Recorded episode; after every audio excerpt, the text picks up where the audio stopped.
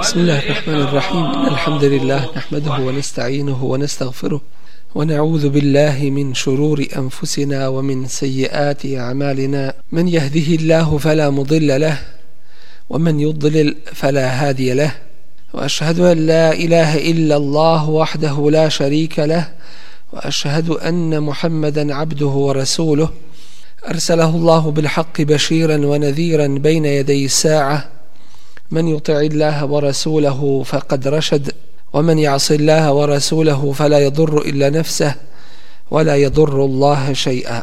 أما بعد فإن أصدق الحديث كتاب الله وخير الهدي هدي محمد صلى الله عليه وسلم وشر الأمور محدثاتها وكل محدثة بدعة وكل بدعة ضلالة ثم أما بعد. Uzvišeni Allah tabaraka wa ta'ala događaje koji su se dešavali u vrijeme njegovog poslanika Muhammeda sallallahu alaihi ve sellem u svojoj knjizi Kur'an i Kerimu objašnjava dajući nam time pouku za naš život i odgovor na mnoga pitanja koja se pred nas same postavljaju. Jedan od tih događaja i kazivanja jeste komentar bitke na Tebuku ili pohoda na Tebuk jer u stvari bitke nije ni bilo. Mi ćemo se ovom prilikom pozabaviti jednim dijelom izvodom iz mnogobrojnih događaja na tome pohodu, a to je položaj one trojice koji su bili izostali iz te bitke. I kako ih je njihova iskrenost sa Allahovom tebareke ve ta'ala pomoći spasila od propasti. Pa uzvišeni u pogledu toga objavljuje ajete u suri Et-Teube, između kojih jeste i ajet ja ejuhallazina amanu taqullaha wa kunu ma'a sadiqin. O vjernici o mu'mini bojite se Allaha i budite uz iskreni. Ovaj pohod se desio devete godine po hijđri. U vremenu suše i vrućine u periodu oskudice u hrani i vodi tako da su dva čovjeka polovili jednu hurmu između sebe. Za one koji ne znaju šta je hurma datula. Dakle jednu hurmu su između sebe dvojica ljudi polovili zbog velike neimaštine koja je u to doba vladala. Poznati mu Fesir Ibni Đerir at-Tabari prenosi od Abdullaha ibn Abbas radijallahu anhuma da je Omer ibn al-Khattab radijallahu anhu rekao opisujući to teško stanje tako da bi čovjek zaklao svoju devu zatim iscijedio njen burag. Znate šta je burag? I to popio. I uzeo što je ostalo za veću nevolju. A Ebu Bekr radijallahu anhu je rekao o Allahov poslaniće zaista ti je uzvišeni Allah uslišavao dove pa moli se za nas dovu u puti za nas. Pa je rekao, želiš li to? A on mu reče, da. Podigao je ruke i nije ih spuštao dok nije nebo prokapalo. Pa je dugo pljuštala kiša, zatim je prestala. Napunili su što su imali uzase, zatim smo posmatrali, kažu ashabi, i nismo primijetili da je bilo kiše izvan našeg logora. Dakle, samo na to mjesto gdje smo mi bili i boravili samo je tu kiša pala. U takvim teškim uslovima Allahov poslanik sallallahu alaihi ve sellem do njega su došle vijesti da se velika bizantijska vojska sprema da napadne muslimane. Obično, kada bi kretao u vojne pohode, Allahov poslanik sallallahu alaihi ve sellem ne bi obznanjivao kuda ide. Čak bi se dešavalo da izađe na suprotnu stranu iz Medine u pogledu onoga mjesta u koje namjerava otići. Upravo zbog pete kolone, zbog lice mjera, munafika, tih dvoličnjaka, koji su se pokazivali i prikazivali da su muslimani, a u svome srcu i svojim prsima su tajili nevjerovanje. Tako da se neprijatelj nije mogao spremiti ili nije mogao biti obaviješten o konačnom cilju toga pohoda. Za razliku od takvoga postupka, kada je Resulullah a.s. odlučio da izađe sa svojim ashabima na Tebuk, to je jasno oglasio i obznanio. Jer je put dalek. To je put od mjesec dana hoda. Uzimajući u obzir teškoću kretanja vojske sa svom ratnom opremom i oružjem i njihovim potrebama. Ali Allahov poslanik alaihi sallatu nam ukazuje na jednu blagodat koju mu je uzvišeni Allah tebareke ve ta'ala podario. Pa kaže Nusirtu bir ru'bi mesirate šehrin Pomognut sam strahom na udaljenosti od mjesec dana hoda. Tako da se to u ovome pohodu i ostvarilo. Tako kada su došli na Tebuk, nakon dugog i napornog putovanja, neprijatelja na tome mjestu očekivanom nisu zatekli. Zato što im je uzvišeni Allah strah u srca ulio, pa nisu smjeli dočekati Allahovog poslanika sallallahu alaihi ve sellem sa njegovim ashabima da im se suprostave. Allahov poslanik sallallahu alaihi ve sellem je izašao na taj pohod devete godine po hijđri u mjesecu Ređepu. Ostao je na Tebuku deset dana, očekujući neprijatelja. I kada se on i nakon toga nije pojavio, onda se Allahu poslanik sallallahu alaihi wasallam vraća u Medinu u mjesecu Ramazanu. Dakle, Ređep, Šaban i Ramazan.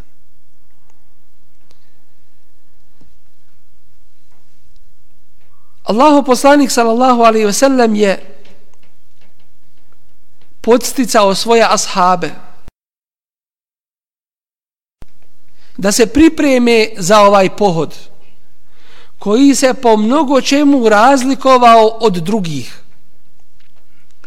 Samim tim što se trebalo suprostaviti daleko brojnijem i oružjem nadmoćnijem neprijatelju što je trebalo izaći i putovati mjesec dana da se dođe do bojnog polja.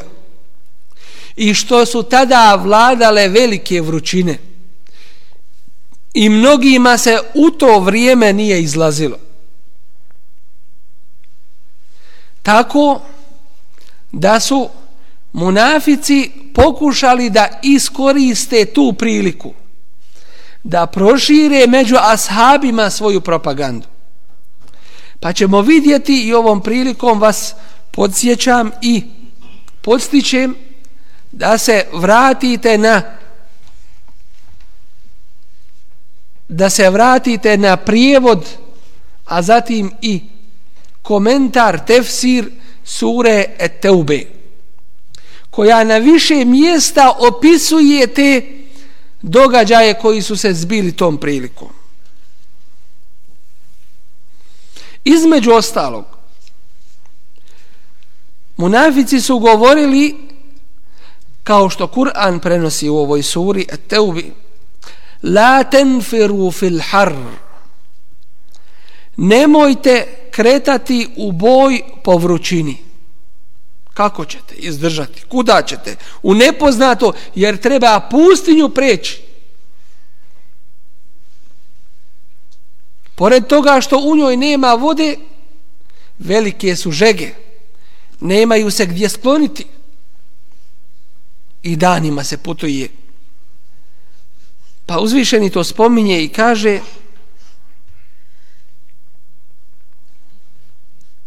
فرح المخلفون بمقعدهم خلاف رسول الله وكرهوا أن يجاهدوا بأموالهم وأنفسهم في سبيل الله Oni koji su izostali iza Allahova poslanika svojim ostankom kod svojih kuća. Mrsko im je bilo da se bore na Allahovu putu zalažući i metke svoje i živote svoje. Wa qalu la tanfiru fil har. Govoreći drugima ne krećite u boj po vrućini. Kul reci im Allaho poslaniće naru džehenneme ešeddu harra Džehennemska vatra je još vruća lev kanu jefkahun kada bi oni samo znali fel yadhaku qalilan wal yabku kathira jazaan bima kanu yaksibun Zato neka se malo smiju, a neka puno plaću. To će biti kazna za ono što su zaslužili. To je bio odgovor jednima koji su jedne dezinformacije pružali. Ne bili ljude spriječili u njihovom odazivu pokornosti Resulu sallallahu alaihi ve sellem. Kao što i dan danas vidimo. Kako ćeš, šta ćeš, toliki svijet, toliko to i tako dalje. Resulullah a.s. je podsticao svoje ashabe na trošenje i udjeljivanje. Neki nisu imali ništa. Praktično ništa. Ako mi to ikako možemo shvatiti i sebi dočarati. Pa su se i takvima izrugivali munafici. Ta peta kolona, koji se i dan danas izruguju mu'minima, iskrenim vjernicima. Među ashabima je bilo takvih Pa kada ih je podsticao i podsjećao na udjeljivanje na Allahovom putu, Allahov poslanik, ali selam, a oni kod sebe ništa nisu nalazili, jedan od njih bi izašao u pustinju da sakupi nešto granja, da ga proda i da udjeli od tog svog truda i znoja na Allahovome putu to spominje uzvišeni Allah i kaže Elem ja'lemu enna Allah ja'lemu sirrahum wa neđuahum. Zar oni ne znaju da Allah zna ono što oni u sebi kriju i ono o čemu se sašaptavaju? وَأَنَّ اللَّهَ عَلَّامُ الْغُيُوبِ. I da je Allah znalac svega skrivenog. الَّذِينَ يَلْمِزُونَ الْمُطَّوِعِينَ مِنَ الْمُؤْمِنِينَ. One koji mu'mine ogovaraju ružno o njima govore zbog toga što oni udjeljuju fi sadakati u pogledu sadake i udjeljivanja toga والذين لا يجدون إلا جهدهم i koji se izruguju onima koji ih smukom daju فيسخرون منهم sahir Allahu minhum walahum azabun alim. I njih čeka patnja nesnosna. Neki su udjelili došao je čovjek sa puno imetka. Pa rekoše za njega ovaj hoće da se pokaže pred ljudima. Pa dođe i drugi sa puno imetka pa rekoše ovaj hoće da se pokaže pred ljudima. Nije mu nikakav drugi cilj od toga udjeljivanja toliko ga osim što hoće da se pokaže pred ljudima. Hoće da spriječe udjeljivanje na Allahovom putu i svaku korisnu aktivnost.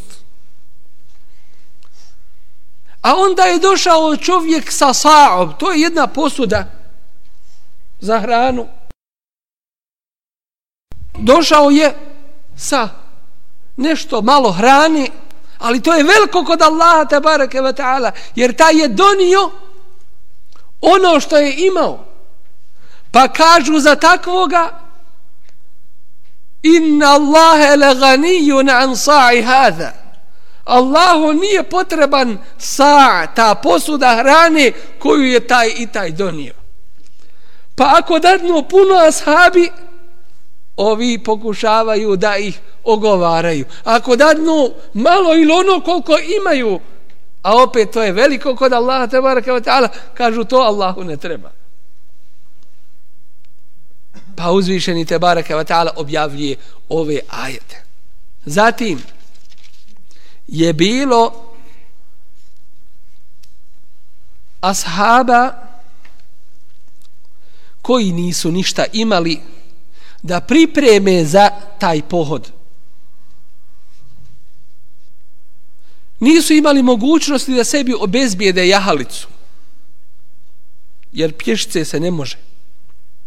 Pa su dolazili Allahovom poslaniku, alaihi sallatu wasalam, i tražili od njega da im on na neki način to obezbijedi, pa da krenu sa golim životom. Pa kada im je rekao Allahov poslanik, alihi sallatu selam, ja nemam ničega da vam dam da možete, da vas može ponijeti. Oni se okreću suznih očiju teško im što ne imaju prilike i mogućnosti da se odazovu Allahu te baraka wa ta'ala i njegovom Resulu sallam. Pa to uzvišeni spominje isto u ovim ajetima i kaže Lejsa ala du'afa i wala ala al-marda ولا على الذين لا يجدون ما ينفقون حرج إذا نصحوا لله ورسوله neće se ogriješiti nemoćni i bolesni i oni koji ne mogu da nađu sredstva za borbu samo ako su prema Allahu i njegovu poslaniku iskreni ma alal muhsinina min sabil nema razloga da se išta prigovara onima koji čine dobra djela. Ono što je u njihovoj mogućnosti. Wallahu gafurur rahim a Allah prašta i samilostan je. Wala ala allazina idha ma atawka litahmilahum ni onima to jeste nema griha kojima si rekao kad su ti došli da im daš životinje na jahanje Kulta la eđidu ma ahmilukum alejih, rekao si im, ne mogu naći za vas jahalice. Tawallau, pa su se vratili. Wa a'junuhum tafidu mine dema' suznih očiju.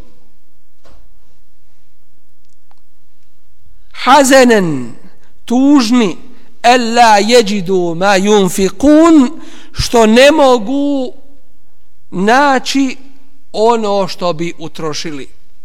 Ono čime bi se obskrbili za taj pohod.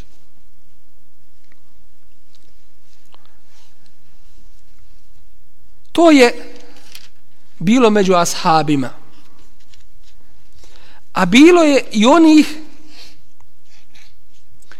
koji ma je to bila velika prilika da zarade.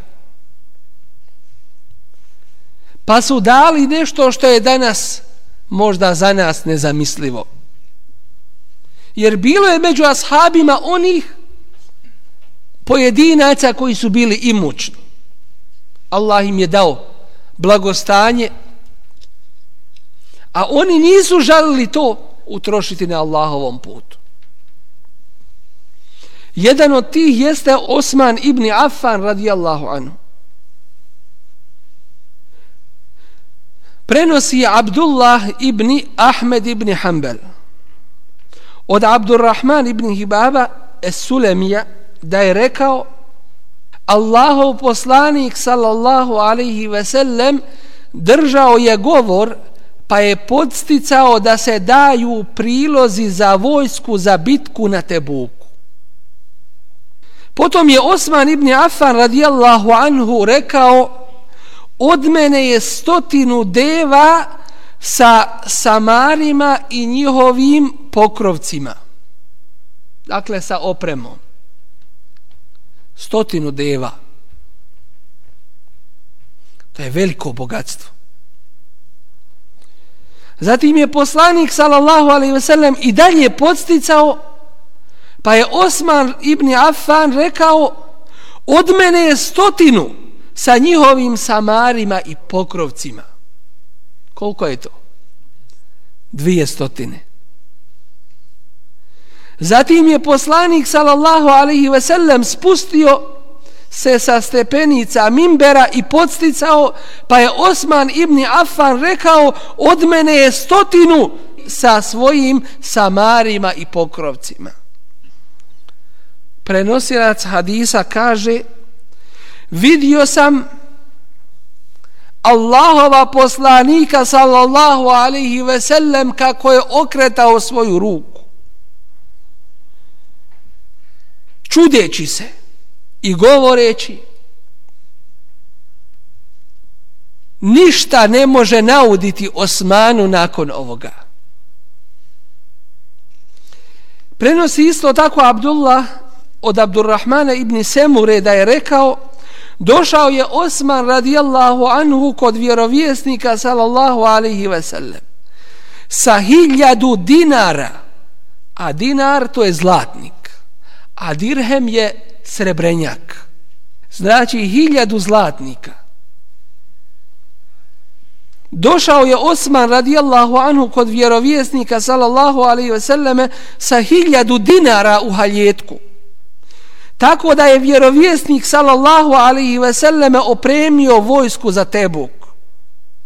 Ovaj ravija prenosi i kaže istresao ih je u poslanikovu sallallahu alaihi ve selleme sobu pa sam vidio vjerovjesnika sallallahu alaihi ve sellem kako ih prevrće svojom rukom i govori ne škodi ibni Affanu ono što uradi od danas ponavljajući to uzastopno. Među mu'minima, među muslimanima je bilo onih koji su imali želju i namjeru da krenu. Ali zadržao ih je ovaj svijet. Kada god bi krenuli da se spreme i da krenu u boj, odgađali su to i govorili imam ja vremena. Pripremit ću se ja. Dok ih to nije mašilo i dok im to nije promaklo.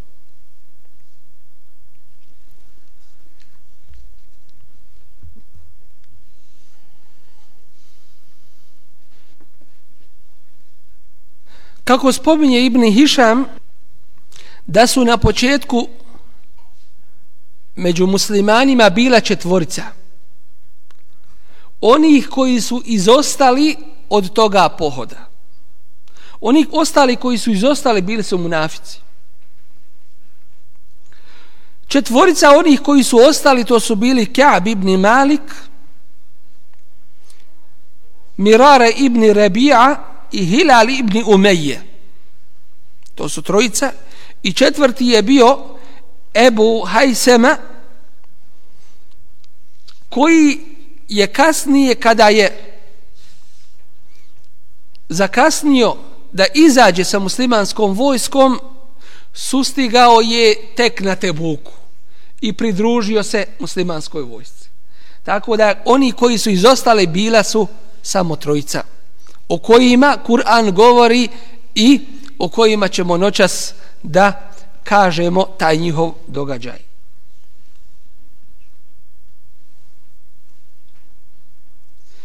Što se tiče Ebu Hejsemi, došao je nakon što je izašao Resulullah sallallahu alaihi ve sellem svojoj kući. U Medini ostali samo munafici, njih negdje 70 ili 80. Nad Medinom je ostavio da upravlja Alija ibn Ebi Talib. Ostavio ga je Resulullah ali sad sam nad, da upravlja nad Medinom. Ebu Hejse me došavši svojoj kući vidje svo blagostanje pokućstva oko sebe dočekaše ga njegove dvije žene a on se sjeti Resula sallallahu alaihi ve sellem i velikih vrućina u kojima je on izašao sa svojim ashabima. I onda reče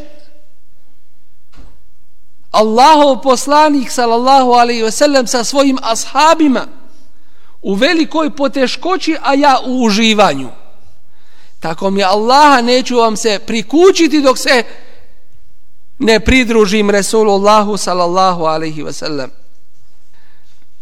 Kada je Allahov poslanik alaihi sallatu wasallam spuštao se prema Tebuku, Ljudi rekoše, eno tamo jednog jahača ide prema nama. A Allahu poslanik, alaihi sallatu wasalam, reče, budi to ti Ebu Hejseme, nadajući se da će on to biti.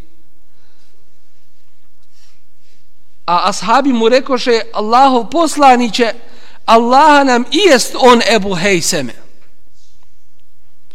kad je došao do njih natjerao je devu da klekne a onda prišao i selam nazvao Allahovom poslaniku sallallahu alaihi wasallam. Koji mu reče bio si se primakao propasti Ebu Hejseme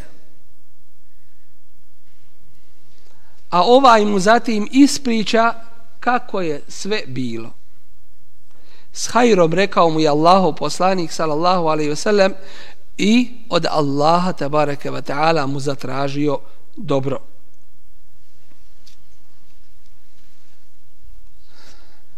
Ali radijallahu anhu koji je ostao u Medini do njega su došle vijesti munafika kako ga ni zbog čega drugoga nije ostavio Allahov poslanik ali sallatu wasallam u Medini osim da ga poštedi pa nije mogao to izdržati. Nego odma skoči za svoju ratnu opremu i pridruži se Resulu sallallahu alaihi ve sellem. Kada mu je rekao zašto je došao, reče mu Allahov poslanik sallallahu alaihi ve sellem lažu. Zadržao sam te tamo zbog onih koje sam ostavio za sobom.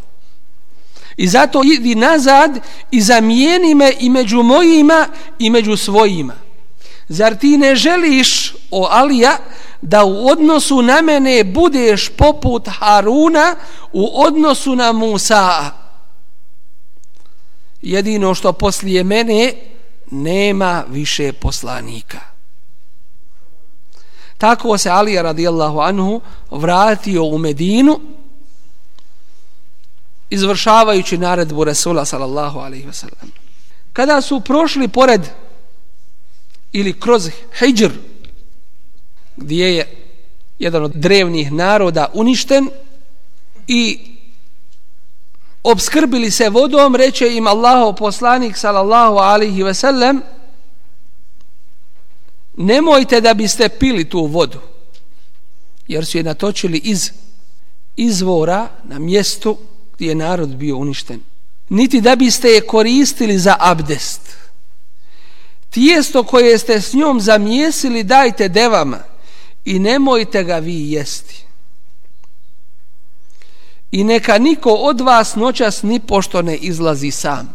I tu noć je zapuhao veliki vjetar, tako da je jednog od ashaba koji nije poslušao to naređenje ili tu zabranu, odnio vjetar u brda tajja daleko, daleko od toga mjesta. Mi se ne bismo sada poduže bavili ovim pohodom, osim onoliko koliko hoćemo da progovorimo o slučaju ove trojice, koje je uzvišeni Allah tabaraka wa ta'ala spasio njihovom iskrenošću. Prenosi nam imami Ahmed, od Ubejdullaha ibn Ka'ba ibn Malika koji je bio vodič Ka'bu to jeste jednom od ove trojice koji su bili izostali iz ovoga pohoda a bili su bu'mini, bili su iskreni. Koji je bio vodič Ka'bov kada je oslijepio zašao u pozno doba duboku starost i koji kaže Čuo sam Kaaba ibn Malika da je pričao kada je izostao od Allahova poslanika sallallahu alaihi ve sellem u pohodu na Tebuk. Poslušajmo sada šta nam kazuje ovaj ashab. Svoj događaj, svoje iskustvo i ono što je on doživio.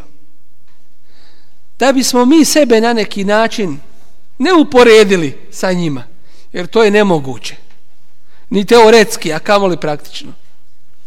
Nego da mi pokušamo sebe koliko bilo izvagati.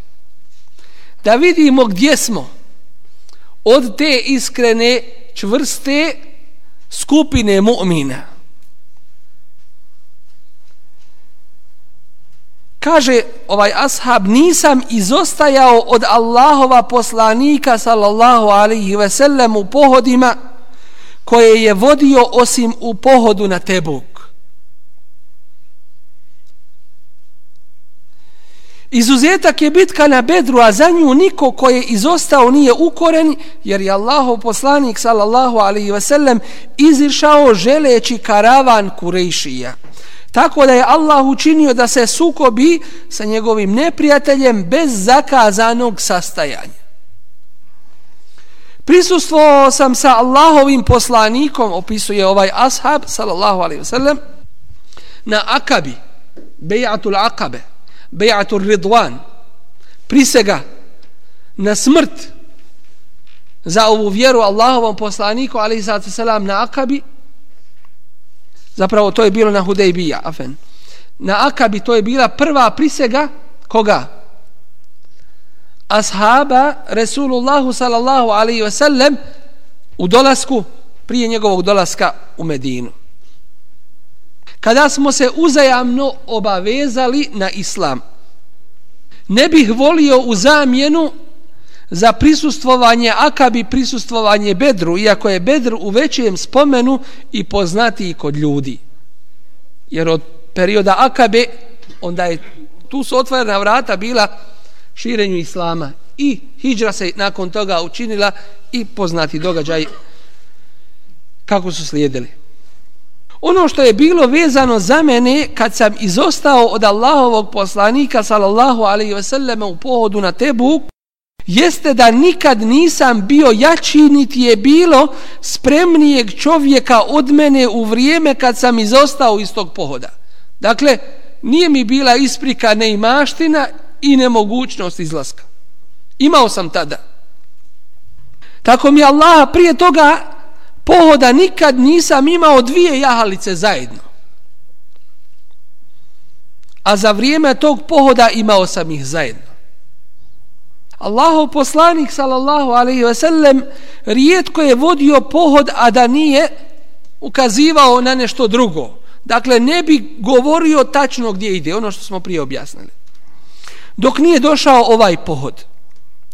Vodio ga je Allahov poslanik alaihi sallatu ve po žestokoj vrućini i uputio se na dalek put preko bezvodne pustinje protiv mnogobrojnijeg neprijatelja pa je prepustio muslimanima njihovo pitanje u pogledu pripreme protiv neprijatelja. Dakle, svakome je ostavljeno da se pripremi za ovaj pohod. Saopštio im je svoj pravac koji želi, a muslimana je bilo mnogo sa Allahovim poslanikom, sallallahu alaihi wasallam. Ljudi su mislili koji su željeli izostati za Allahovog poslanika ali sallatu veselam da ih on neće primijetiti osim da uzvišeni Allah spusti objavu o tome Allahov poslanik ali sallatu veselam krenuo je na taj pohod kada je mnogima bila pogodna hladovina i kada su počeli zriti plodovi. Kada se Allahu poslanik sallallahu alejhi ve sellem kaže Ka'b ibn Malik spremio sa vjernicima, požurio sam da se spremim sa njima, pa sam se vratio i nisam ništa pripremio od svoje opreme, pa sam sebi rekao ja to mogu ako hoću. To je kod mene trajalo dok su se ljudi ozbiljno pripremali, Pa je Allaho poslanik sallallahu alaihi ve sellem rano ujutro krenuo i muslimani sa njim, a ja još ništa nisam spremio i rekao sam spremit ću se poslije dan ili dva, zatim ću ih stignuti. To je ono opasno odgađanje na koje čovjeka šeitan navodi. Učinit ću ja. Bilo da se radi o teobi, bilo da se radi o dobrim dijelima, bilo čemu drugome od hajra. Čim su otišli, požurio sam da se spremim, pa sam se vratio i ništa nisam spremio. Zatim sam opet otišao da se spremim, dakle kolebao se. Nije bio odlučen. Pa sam se vratio i ništa nisam uradio. Još uvijek je to dugo trajalo kod mene dok su oni žurili i utrkivali se u pohodu pa sam pomislio da otputujem i da ih sustignem a da sam Bog do to uradio, ali mi to poslije, dakle, nakon ovoga, nije bilo određeno. Kada bih izišao među ljude, poslije Allahova poslanika, sallallahu alaihi ve sellem, ožalostilo bi me da sam vidio samo sumnjive ljude, one koje smo znali po njihovom licemjerstvu, ili one ljude koji su imali opravdanje za izostanak. Allahu poslanik sallallahu alaihi ve sellem nije me se sjetio dok nije stigao do Tebuka. Mjesec dana. Zatim je rekao sjedeći među ljudima šta je uradio Ka'b ibn Malik čudeći se gdje. Šta je s njim? Neobično jer ga zna kao iskrenoga. Zatim je rekao neki čovjek iz plemena Beni Seleme zadržali su ga o Allahov poslaniće njegova dva ogrtača. To jeste blagostanje u kome je. A Muaz ibn Džeber reče ružno je to što si rekao. Tako mi Allaha o Allahov poslaniće mi ne znamo o njemu osim dobro. Allahov poslanik sallallahu alejhi ve sellem na to je šutio Ka'b ibn Malik priča dalje i kaže pošto sam obaviješten da se Allahov poslanik sallallahu alaihi ve sellem počeo vraćati sa Tebuka. Kod mene se pojavila tuga i jad. Ja sam nastojao da se sjetim laži koju ću reći i da se sutra, to jeste kada oni dođu, izvučem iz njegove srđbe. U tome sam tražio pomoć od svakog razumnog iz svoje porodice. Pošto bi rečeno da Allaho poslanik sallallahu alaihi ve sellem pristiže udaljila se laž od meni. I shvatio sam da se ničim ne mogu izbaviti. Samo iskrenošću. Zatim sam odlučio da budem iskren prema njemu. Zatim je stigao. Kada bi dolazio s puta Allahov poslanik sallallahu alaihi ve sellem, počinjao bi od mesđida. Klanjao bi dva rekiata, zatim bi sjeo među ljude. Kada je to uradio, došli su mu oni koji su izostali, izvinjavajući se i zaklinjući se, a bilo ih je osamdeset i nekoliko ljudi tih licemjera. Pa je Allaho poslanik sallallahu alejhi ve sellem primio od njih ono što su javno iznijeli i njihove tajne prepustio uzvišenom Allahu. Pa je Allah o takvima objavio Kur'an u kome kaže Ja'tazirune ilajkum idha rađa'tum ilajhim. Kad se među njih vratite, oni će vam se pravdati kul la ta'taziru reci im Allahov poslaniće ne pravdajte se len nu'mine lekum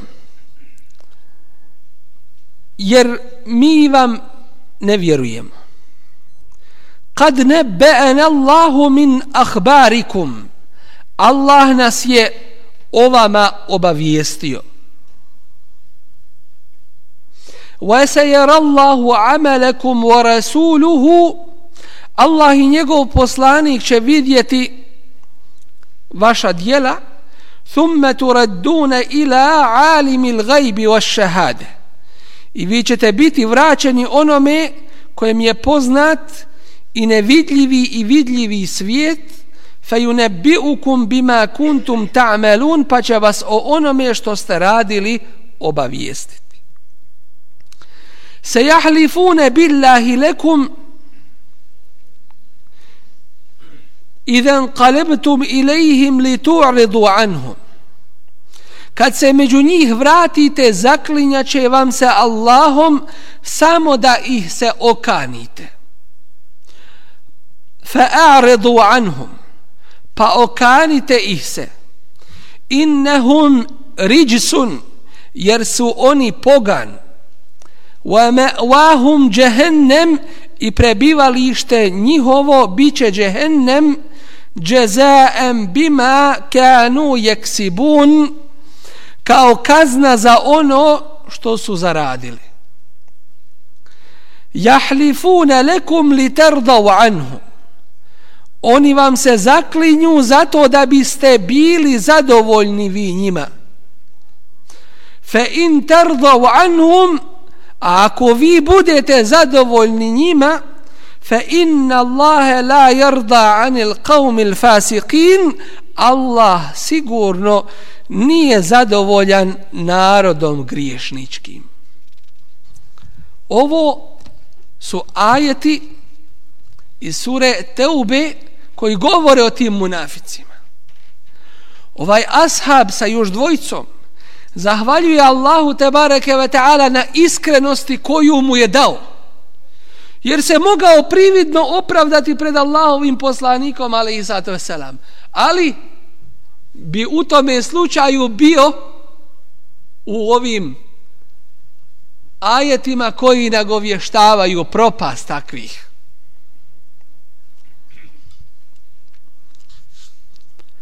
Došli su mu oni koji su izostali izvinjavajući se i zaklinjući se, a bilo ih je osamdeset i nekoliko ljudi. Pa je Allah poslanik sallallahu alaihi ve sellem primio od njih ono što su javno iznijeli i njihove tajne prepustio uzvišenom Allahu. Kada sam ja došao i nazvao mu selam, nasmiješio se osmijehom ljutitog čovjeka. Zatim mi je rekao, dođi. Pa sam došao i sjeo ispred njega, a on me upita, šta ti se desilo pa da izostaniš? Zar nisi bio kupio jahalicu? Pa sam rekao, o Allahov poslaniće, doista da sjedim kod nekog drugog mimo tebe, od ljudi ovog svijeta, gledao bih da se izvučem iz njegove srđbe sa opravdanjem. A meni je data sposobnost govora i riječitosti. Ali tako mi Allaha znam ako ti kažem danas lažan govor s kojim ćeš ti biti zadovoljan, Allah će sigurno prosuti svoju srđbu na meni. Ako ti kažem istinu zbog koje, će, zbog koje ćeš se naljutiti na mene, ja se nadam izlazu od Allaha. Tako mi Allaha nisam imao opravdanja kao nikad do tada. I nije bilo spremnijeg od mene kad sam izostao iza tebe. Allahov poslanik sallallahu alaihi ve sellem reče ovo je istina. Ustani i idi dok ti Allah ne presudi. Zatim sam ustao. I do mene su došli ljudi iz plemena Benu Seleme i rekli mi tako nam Allaha ne znamo da si griješio prije ovoga. To jeste što to učini? Što prizna? Zar nisi mogao da se opravdaš Allahovom poslaniku sallallahu alaihi ve sellem onim što su se pravdali drugi koji su izostali? Bilo ti je dovoljno za tvoj grijeh to što bi za sebe tražio oprosta Kab reče tako mi Allaha grdili su me tako da sam se želio vratiti pa da sam sebe poreknem. Toliko su na mene navalili.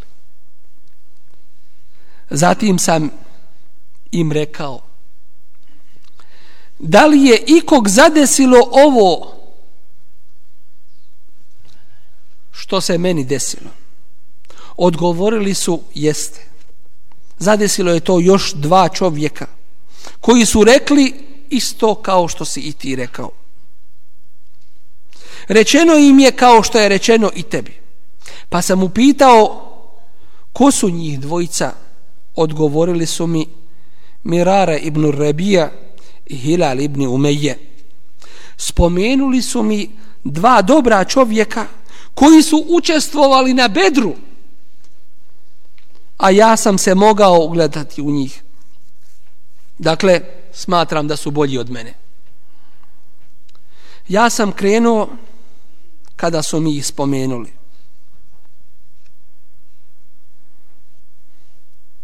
Allaho poslanik sallallahu alaihi wasallam da napomenemo zabranio je muslimanima razgovarati s njima. I ta njihova teška situacija potrajala je 50 dana.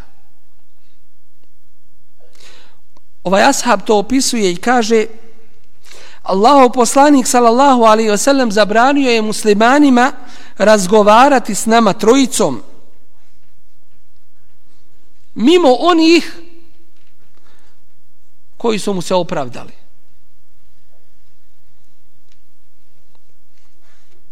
Izbjegavali su nas ljudi i mnogo se promijenili. Tako da ja nisam mogao prepoznati zemlju po kojoj sam hodao i ona i ona kao da nije bila zemlja koju sam znao. U takvom stanju ostali smo 50 noći. Što se tiče dvojice drugova, izolovali su se i sjedili u svojim kućama plaćući. Ja sam bio čvršći i strpljiviji, odlazio sam na namaz sa muslimanima, obilazio čaršiju, niko nije razgovarao sa mnom. Dolazio bih Allahovom poslaniku poslije namaza, nazivao bih mu selam i sam sebe pitao miču li se njegove usne. Odvraća li mi selam ili ne? Zatim sam klanjao blizu njega i krao mu pogled. Kada bih ja pristupio namazu, gledao je u mene. A kada bi se okrenuo prema njemu, skrenuo bi pogled sa meni. Kada je takav odnos muslimana prema meni potrajao, otišao sam i ušao u vrt Ebu Katade, a on je moj Amidžić i najdraži mi među ljudima. Nazvao sam mu selam, tako mi Allaha, a nije mi odgovorio. O kome se radi? O ashabu koji je učestvovao u svim bitkama do Tebuka, osim Bedra, a ona dvojica i na Bedru. Učestvovao u svim bitkama sa Allahovim poslanikom, ali sad selam. Nije mi odvratio. Zatim sam mu rekao, o Ebu Katade, kunem te Allahom, da li znaš da ja volim Allaha i njegova poslanika?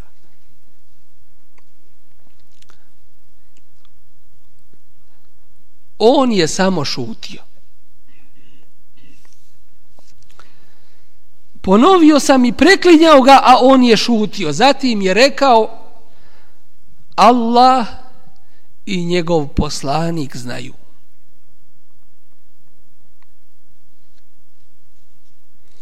Zatim sam obilno zaplakao i ja sam se okrenuo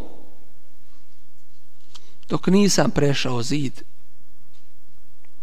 I dok sam išao medinskim sokacima, čaršijom, ugledao sam na betajca iz Šama, koji je prodavao hranu i govorio ko će mi pokazati Ka'b ibn Malika? Pa su ljudi počeli i šaretom da mu pokazuju na meni.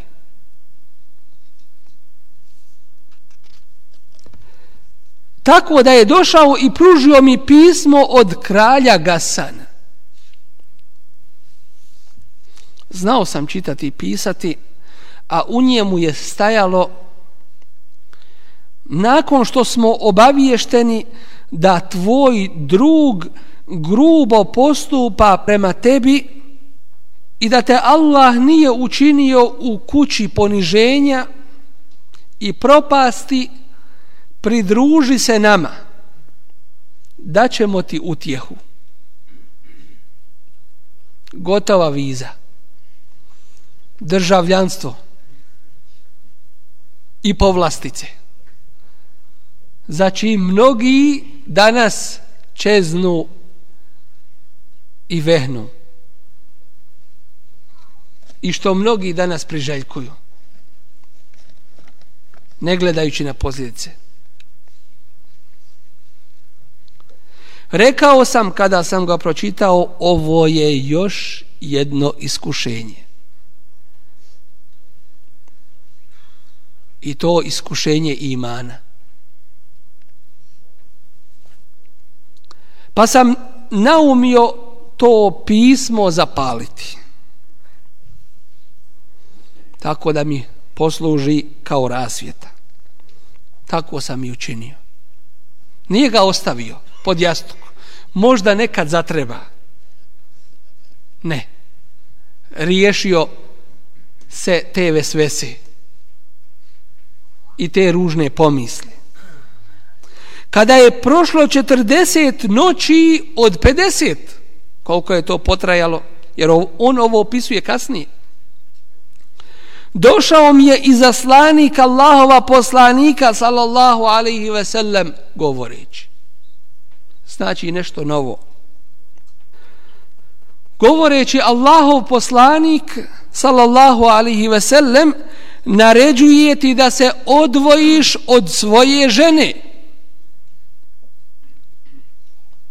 Dodatno iskušenje i ispit. Ispit imana. Da je pustim ili šta da radim? Upitah ga a on mi reče da se odvojiš od nje to jeste da joj se ne približavaš. Isto tako je bilo i sa dvojicom mojih drugova zatim sam rekao svojoj ženi idi svojoj porodici i budi kod njih dok Allah ne presudi ovo kako on želi. Zatim je došla žena Hilal ibn Umeje kod Allahova poslanika sallallahu alaihi ve sellem pa je rekla O Allahov poslaniće Hilal je iznemogao starac. Nema sluge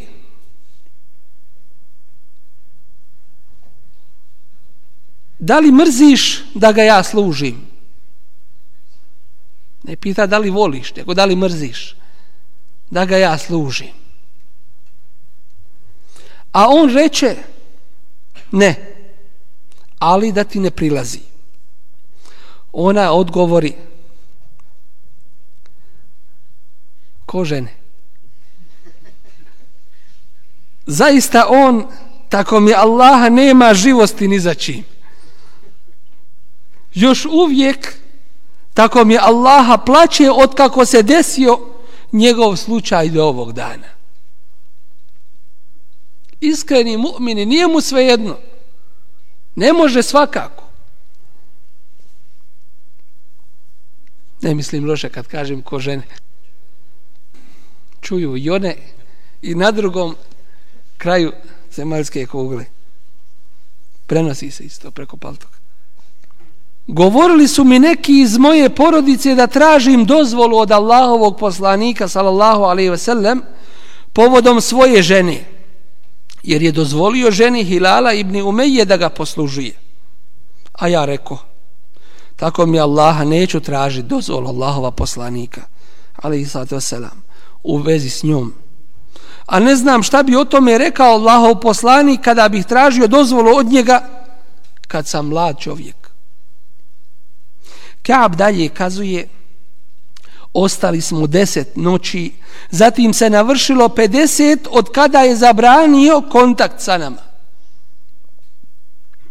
Zatim sam klanjao saba namaz ujutro 50. noći na krovu jedne od naših kuća.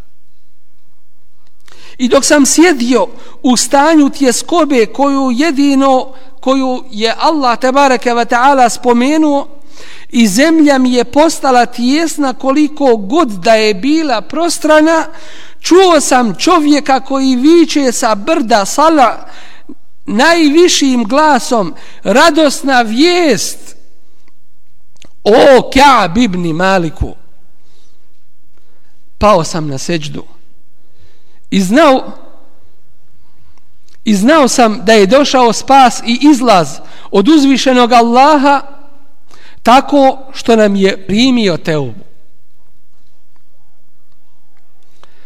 Allaho poslanik sallallahu alihi ve sellem objelodanio je Allahovo pomilovanje nama nakon što je klanjao sabah namaz. Pa su dolazili ljudi donoseći nam radosne vijesti. Prema dvojici mojih drugova uputili su se glasnici. Čim su čuli ashabi tu radosnu vijest, odma su skočili ko će prvi do njih doći. Jer im je draga radost jedni drugih. A prema meni je jedan čovjek jahao na konju. Jedan odmah uzjahao na konja što prije da dođe. A ovaj drugi kad je vidio da će ga ovaj prestići, popije se čovjek, jedan iz plemena, Eslem, popije se na brdo i sa njega povika. Pa mi je glas ovoga prije došao nego ovaj koji je doletio na konju. Glas ovog čovjeka je bio brži. Nakon što mi je došao ovaj čovjek sa radosnom viješću, čiji sam glas čuo, skinuo sam svoja dva odijela i obukao ga njima zbog radosne vijesti. Tako mi Allaha nisam imao osim ta dva. Posudio sam druga dva odijela ili odjeću, ne u ovom našem smislu, odijelo i ostalo. Zatim ih obukao i otišao da potražim Allahova poslanika sallallahu alaihi ve sellem. Susretali su me grupe i grupe ljudi čestitajući mi na Allahovoj milosti, na Allahovom pomilovanju, oprostu, govoreći neka ti je prijatno Allahov, neka ti je prijatan, neka ti je beričetli i svako dobro u Allahovom oprostu koji ti je Allah dao.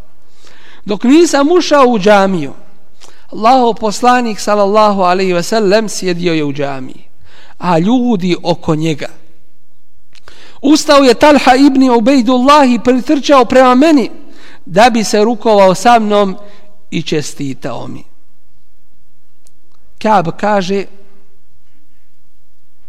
to nikada nisam Talhi zaboravio. Kad sam nazvao selam Allahovom poslaniku sallallahu alaihi ve sellem odgovorio je i lice mu je bilo ozareno, svijetlo od radosti. Raduj se najboljem danu koji ti je došao od kako te je majka rodila. Reče mu Allahu poslanik sallallahu alaihi wasallam. A on reče, da li je od tebe o Allahov poslaniće ili od Allaha? Od Allaha odgovori. Kaab kaže, Kada bi Allahov poslanik sallallahu alaihi wasallam bio radostan, zasjalo bi njegovo lice kao da je mjesec, pun mjesec. Tako da se to znalo kod njega. Pošto sam sjeo ispred njega, rekao sam, o Allahov poslaniće, zaista u moje pokajanje spada to da izdvojim sav svoj imetak kao sadaku u ime Allaha tabaraka wa ta'ala.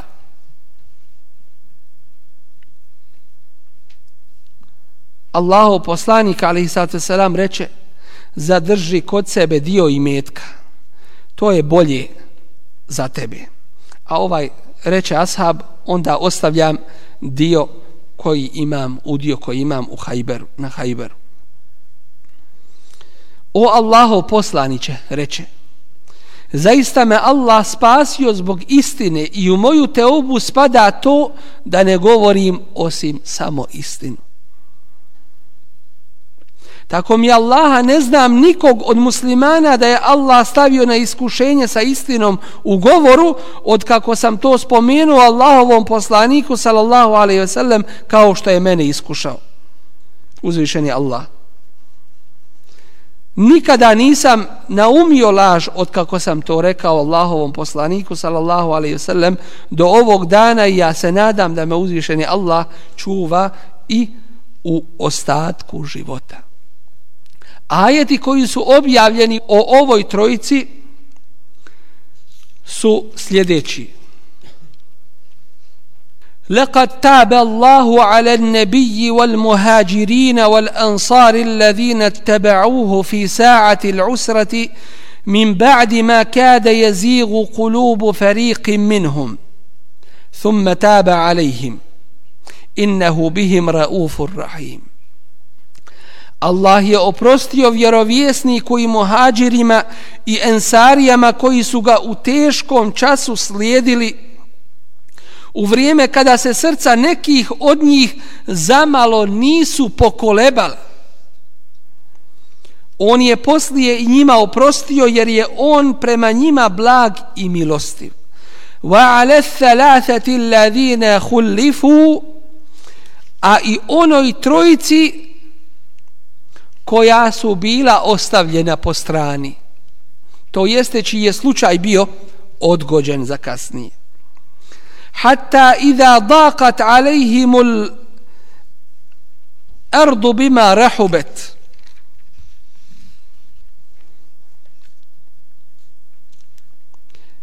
Tako da kada im je zemlja koliko god da je prostrana postala tjesna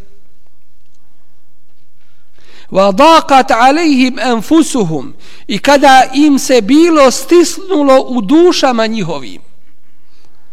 وظنوا dhannu an la malja'a min Allahi illa i kad su vidjeli da nema utočišta od Allaha nego samo u njega. thumma taba alejhim